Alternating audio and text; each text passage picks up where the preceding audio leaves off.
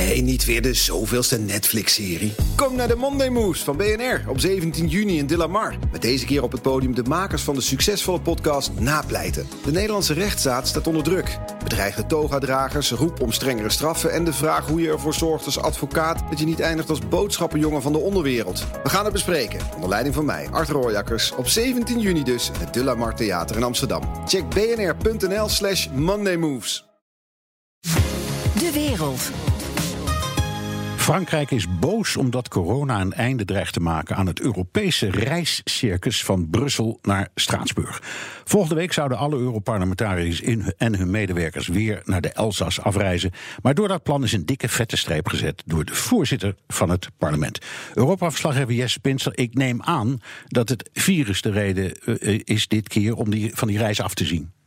Ja, absoluut. De Franse regering heeft de hele regio rond Straatsburg de kleurcode rood gegeven. Vanwege het oplopend aantal coronabesmettingen. En dat was inderdaad de reden voor de voorzitter van het Europese parlement, David Sassoli, om ja, de reis toch maar weer te cancelen. Weer, want ja, ze gaan al een tijdje niet naar Straatsburg sinds het coronavirus uh, daar is. Nou was de druk al vrij hoog hoor, vanuit een aantal fracties in het Europese parlement om deze reis niet door te laten gaan. Dus ja, dat betekent dat de hoogmis van het begin van het Europese politieke jaar. De staat van de Europese Unie-speech van commissievoorzitter von der Leyen gaat plaatsvinden in Brussel. Ja. Los van de mensen die in Straatsburg werken en hotels en restaurants, zal iedereen mm. er toch wel begrip voor hebben, neem ik aan. Nou ja, de Franse regering absoluut niet. Die roepen dat uh, corona uh, een, een, groter probleem is in Brussel dan het in Straatsburg is op dit moment. Waar ze in zekere mate wel een, uh, een punt hebben als je naar de cijfers kijkt. En, ja, en die, en, die, en die code rood is een Franse code mm. rood. Hè? Dat, is, dat is niet ja, wat wij vinden. Geen, nee.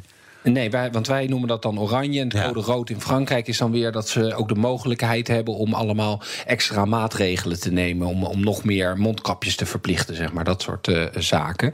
Um, Clément Béom, dat, de Franse minister voor Europese Zaken, die, ja, die zat maar te benadrukken van dat ze toch echt zo hard hun best hadden gedaan in Straatsburg om dit wel mogelijk te maken. Bijvoorbeeld over die restaurants. Ja, ze hadden wel bedacht dat is misschien niet handig als iedereen daar gaat eten. Dat is toch een risico.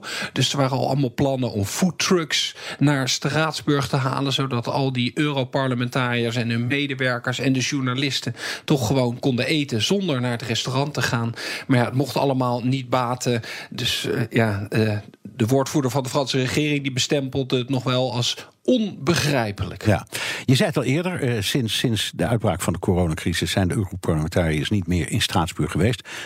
Hm. Zien ze nou niet in dat er dat dit een mooi moment is om, om een einde te maken aan die noodzaken om elke maand een week lang naar Straatsburg te verkassen de tegenstanders zien dat absoluut als een goed moment om dat te gaan doen. Maar het is misschien ook wel goed om te zeggen dat het Europees Parlement al veel langer vindt dat ze hiermee op moeten houden. Er zijn al meerdere resoluties aangenomen waarin ze een einde willen maken aan dat reiscircus. Maar ja, zo simpel werkt het niet. Het feit is dat er gewoon in het Europees verdrag staat: twaalf keer per jaar gaan jullie naar Straatsburg. Nou, een Europees verdrag wijzigen, dat is natuurlijk al vrij lastig. Los van het feit dat Frankrijk het niet zal accepteren, dan krijg je vaak een situatie dat er overal referenda georganiseerd moeten worden. Omdat daar dan uh, toestemming moet komen van de bevolking over die wijziging. Nou, we hebben in het verleden natuurlijk ook referenda gehad over Europese zaken. In Nederland, in Frankrijk over de Europese grondwet destijds.